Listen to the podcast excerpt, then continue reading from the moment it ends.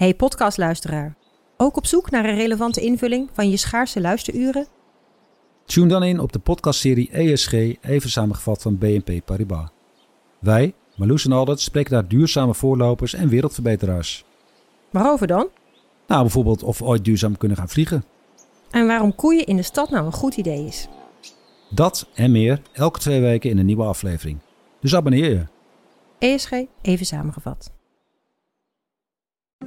Al 125 jaar kwaliteit voor jou thuis met Miele. Dat vieren we met jou. Ontvang nu tijdelijk een cashback tot 125 euro op veel Miele-apparatuur. Geniet van de kwaliteit van Miele. Voor perfect verzorgd wasgoed en kleding die veel langer mooi blijft. Voor een stralend schone vaat, even perfect als jouw diners. En een stofvrij thuis waarin echt hygiënisch schoon de standaard is. Check miele.nl voor alle feestelijke aanbiedingen.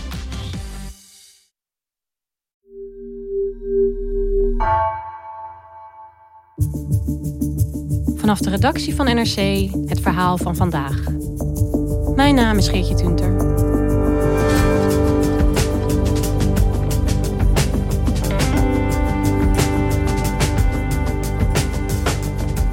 In de binnenlanden van Suriname is een goudkoorts losgebarsten. Nu het door de coronacrisis economisch slecht gaat, komen hier niet alleen Surinamers, maar ook veel Brazilianen hun geluk beproeven. Correspondent Nina Jurna reist langs de gouddorpen in de Surinaamse jungle en ziet dat er naast het behalen van grote winsten ook grote schade wordt aangericht.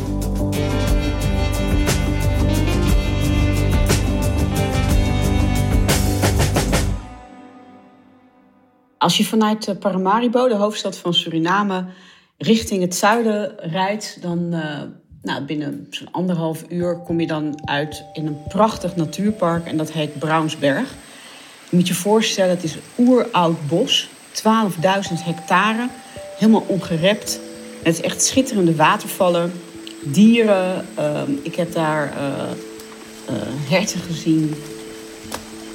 Het is een gebied met een enorme biodiversiteit. Maar ja, het, pijnlijke is dat uh, er tegelijkertijd in dat schitterende natuurpark een goudwinning wordt gedaan. Ik was bij die waterval en uh, nou ja, dan loop je dus door echt het tropisch regenwoud. En dan om de hoek, echt nog geen 100 meter verder, zag ik een enorme ja, afgraving in het landschap. Dus bomen zijn daar omgekapt. Met graafmachines wordt er dan naar uh, goud gezocht in de bodem. Dus het, is zo'n ongelooflijk contrast. En uh, daar zie je dus de, gewoon uh, gaten in het landschap. Anders kan ik het gewoon niet omschrijven. En ehm, ja, gewoon de vernietiging van de natuur. En jij was daar dus om te zien wat eigenlijk de invloed is hè, van die goudwinning op die natuur daar. Ja, ik ben daar met milieuactivist Erlan Sleur van uh, de milieuorganisatie ProBios naartoe gegaan.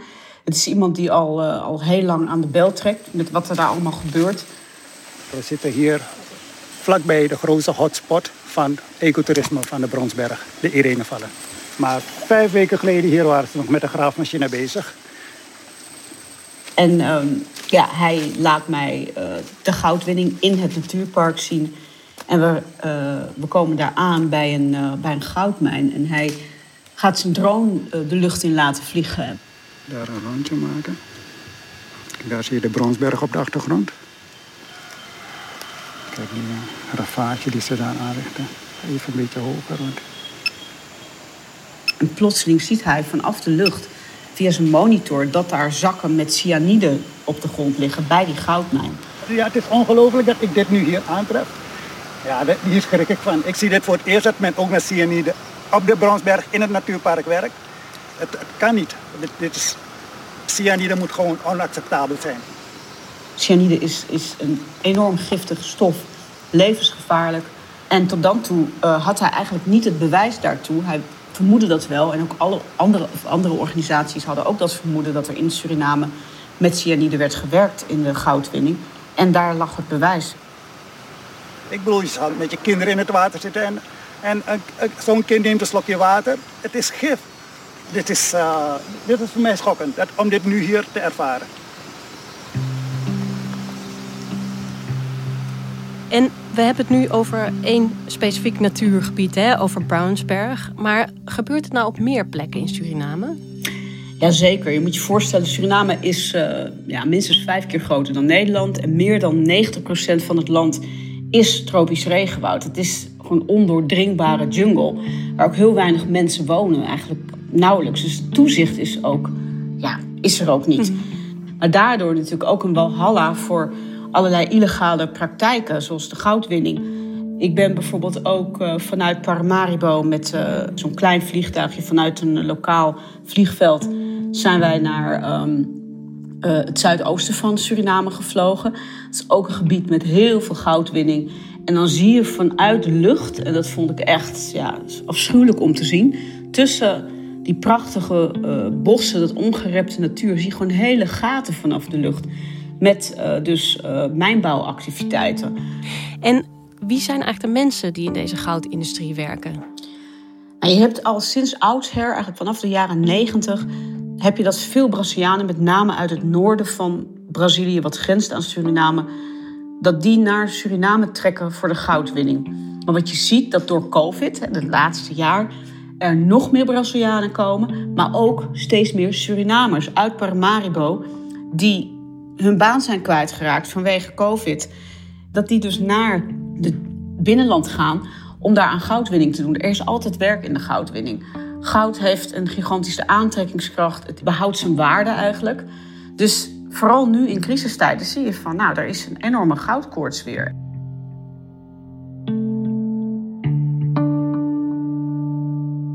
Ik ben in uh, het gebied geweest dat heet uh, het Laba-gebied, bij de Laba-rivier. En dat is eigenlijk een grensgebied. En Brazilianen hebben hier eigenlijk vrij spel, wat ik heb gezien. Ze stichten daar dorpen op Surinaams grondgebied werken daar dus uh, in de goudwinning, stichten goudmijnen. Maar wat ze ook doen, is uh, ze werken op mijnplatforms in de rivier, zou je kunnen zeggen. Het zijn een soort van goudmijnen op stalen platforms. Dus ze liggen dan, die liggen dan in de rivier, dat noemen ze scalians. Ja. En die scalians die liggen dan wel waar nog in de rivier, maar dicht bij de oever. En zuigen daar eigenlijk het goud uit de grond, uit de rivier, maar ook uit die kust. Ja, want dat is hoe het werkt. Want je zei al, het is, het is niet iets wat je zomaar doet.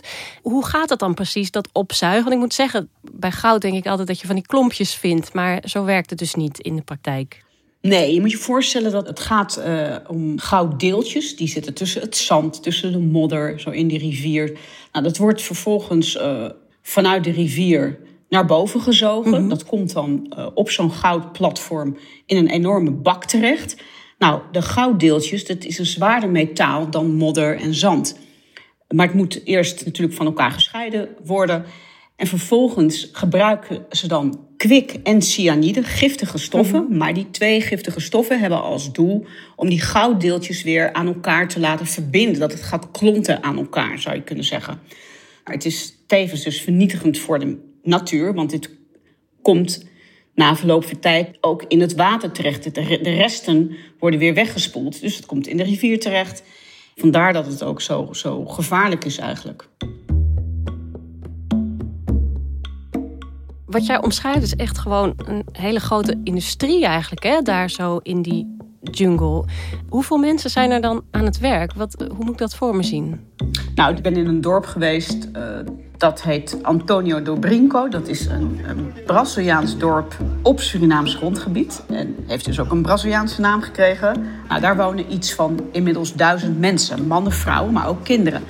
Maar er zijn schattingen dat in het hele binnenland van Suriname... Nou, tussen de 20.000 en 30.000 Brazilianen werken in de loop der tijden. En, en dat aantal neemt dus nu toe. Dus dat zijn gigantische aantallen. Je moet je ook voorstellen dat er inderdaad, er is een goudindustrie, maar ook een hele industrie van, uh, nou ja, het dorp waar ik ben geweest, er zijn bars, er, zijn, uh, er is een goudsmelterij, daar is uh, een, een, een, dat zijn bordelen, want er zijn veelal mannen die daar werken. Nou, er komen er ook prostituees. Vaak gaan ze dan ook, krijgen ze ook relaties, komen ook kinderen van. Um, winkels, maar allemaal totaal Brazilië. Het Braziliaanse televisie staat aan voertaal is Portugees. Het heeft niets met Suriname te maken. En veel van deze Brazilianen, eigenlijk meerderheid, zijn ook illegaal, hebben geen legale status in Suriname. Ze kunnen wel ongelooflijk rijk worden, want nou ja, ze krijgen een bepaald percentage van het goud wat ze vinden, is voor hunzelf. Um, dat leveren ze dan weer in bij zo'n goudsmelterij. Daar krijgen ze geld voor en dat sturen ze dan weer naar Brazilië. Dus um, heel veel van dat geld komt ook niet in die zin in de Surinaamse economie, maar gaat ook naar Brazilië toe. Wat moet ik me daarbij voorstellen dan? Want wat verdient zo'n goudzoeker? het hangt een beetje af uh, ook van de goudprijzen en ook wat voor werk die doet. Maar op dit moment, door de hele crisis, is uh, internationaal door COVID, is de goudprijs hoog momenteel. Kun je toch al een paar duizend dollar per maand verdienen. Ik ben in Antonio de Brinco in de smelterij. En daar werkt dus ook een, een, een Braziliaan die uh, al een tijdje in Suriname woont. Die spreekt dus ook uh, Nederlands. Die vertelde mij dat de goudprijs ook zo hoog is. Hij, hij liet ook goud zien, dat ging hij ook wegen, berekende de prijs. 7 gram per 1, dus 5 per 1 maal 45, is de prijs 29,50 euro. Ja. ja.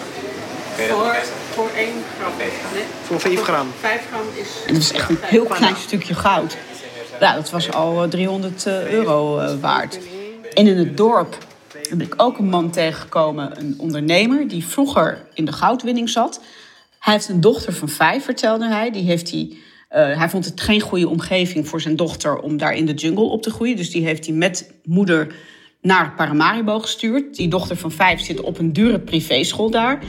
En hij, had, hij liet foto's zien van haar vijfde verjaardag. En had hij een auto voor haar gekocht, zodat ze met die auto door een chauffeur naar school kon worden gebracht. Je moet je voorstellen dat deze man kwam als een hele arme man uit het Noordoosten, het armste gebied, kwam die dus naar Suriname zonder opleiding en heeft zich helemaal kunnen opwerken. En heeft nu zijn dochter van vijf, heeft al een eigen auto, bij wijze van spreken. Dus dat geeft aan hoe veel geld je kunt verdienen in die goudwinning. Wat vindt de Surinaamse overheid hier nou eigenlijk van? Hè? Want deze mensen werken hier illegaal, ze betalen geen belasting, zoals jij net zei. Ze zorgen voor vervuiling. Wordt er dan hard opgetreden?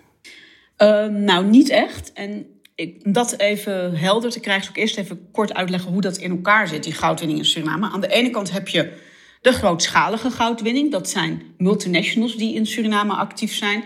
Buitenlandse multinationals, twee om precies te zijn, die hebben uh, gebieden aangewezen gekregen door de regering. Die mogen daar officieel aan goudwinning doen. Dat zijn dus grote bedrijven. Maar daarnaast heb je kleinschalige goudwinning, zoals dat genoemd wordt. En dan hebben we het over de goudwinning waar wij het nu over hebben. De, de, de goudplatforms op de rivier en de goudwinning op het land. En dat wordt gedaan in zogeheten goudconcessies. En een concessie is eigenlijk een gebied, een, een, een kleiner gebied, wat toegewezen wordt aan, aan iemand die mag daar dan in dat gebied naar goud zoeken. Maar wie zijn dan precies die eigenaar van die concessies? Wie heeft die concessie nou in handen? Ja, dat zijn vaak hooggeplaatste Surinamers. Hè? Mensen die dicht bij de macht zijn, ehm, maar ook uh, zakenlieden. Um, je je voorstellen, onder de vorige president Bouterse, die uh, ook veel concessies uh, heeft verleend aan bevriende politici, maar ook bijvoorbeeld aan zijn eigen advocaat, die hem uh, steunt in de, in de decembermoordenzaak. Ja, die machtige mannen schuiven elkaar die concessies dus toe. Nou, er kan uh, goed geld verdiend worden, dus die zitten eigenlijk helemaal niet op te wachten, neem ik aan, dat daar dan streng gehandhaafd wordt.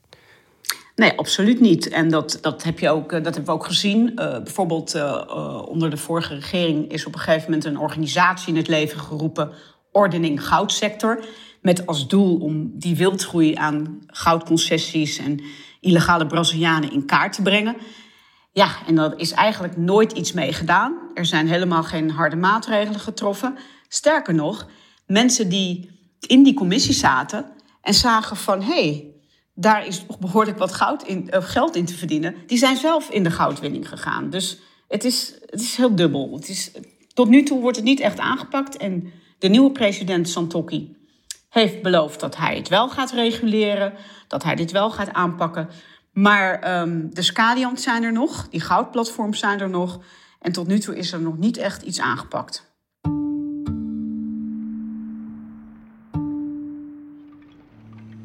De politiek zou niet snel geneigd zijn om dit fenomeen aan te pakken, eh, zei je net ook al. En mensen die in deze industrie werken, kunnen goed geld verdienen hier, terwijl ze dat thuis helemaal niet kunnen. Dus die stoppen ook niet snel.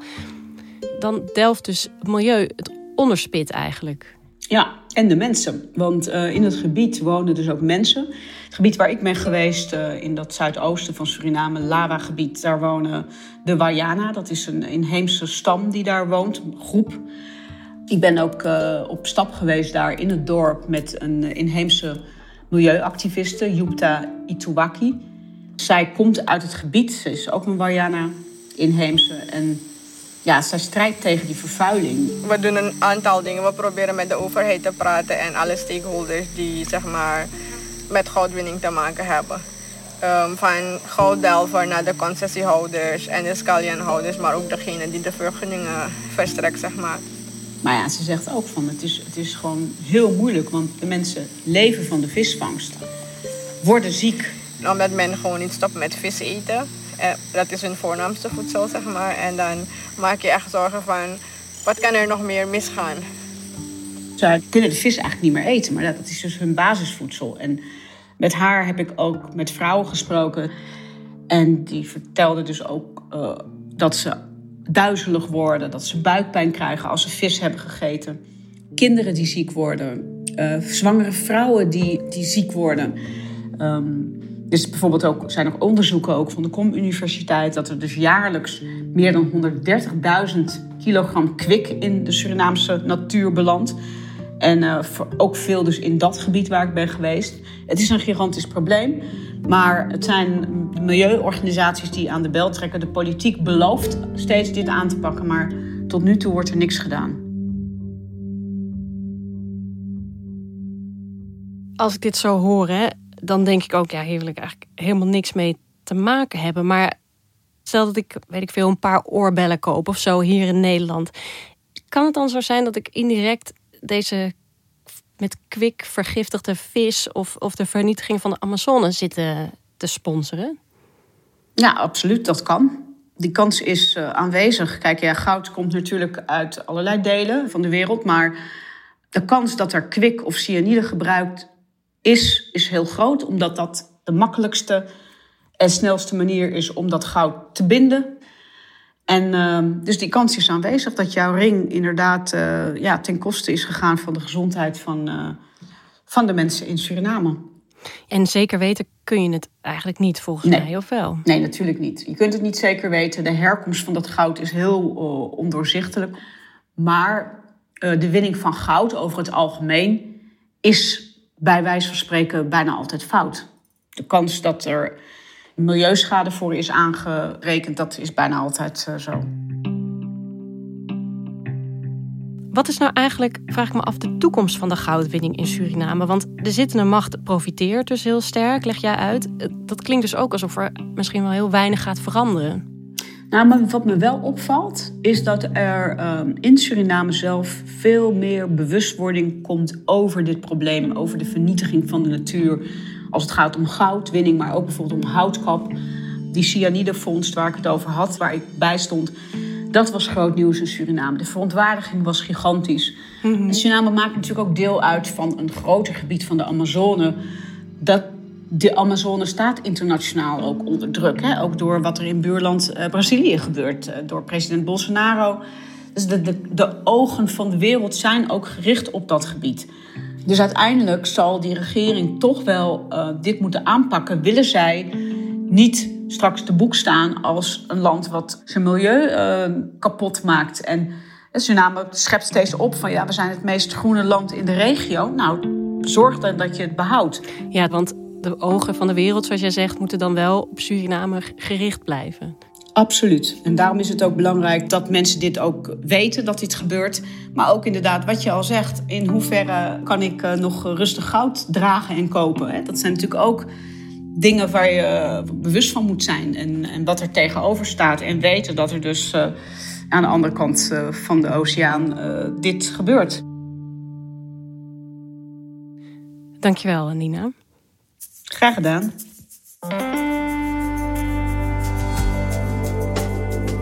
Je luisterde naar vandaag, een podcast van NRC. Eén verhaal, elke dag. Deze aflevering werd gemaakt door Tessa Kolen en Jan-Paul de Bond. Dit was vandaag, morgen weer.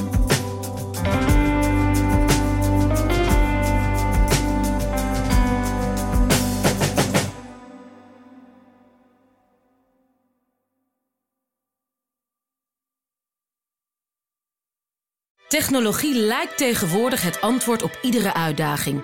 Bij PwC zien we dit anders.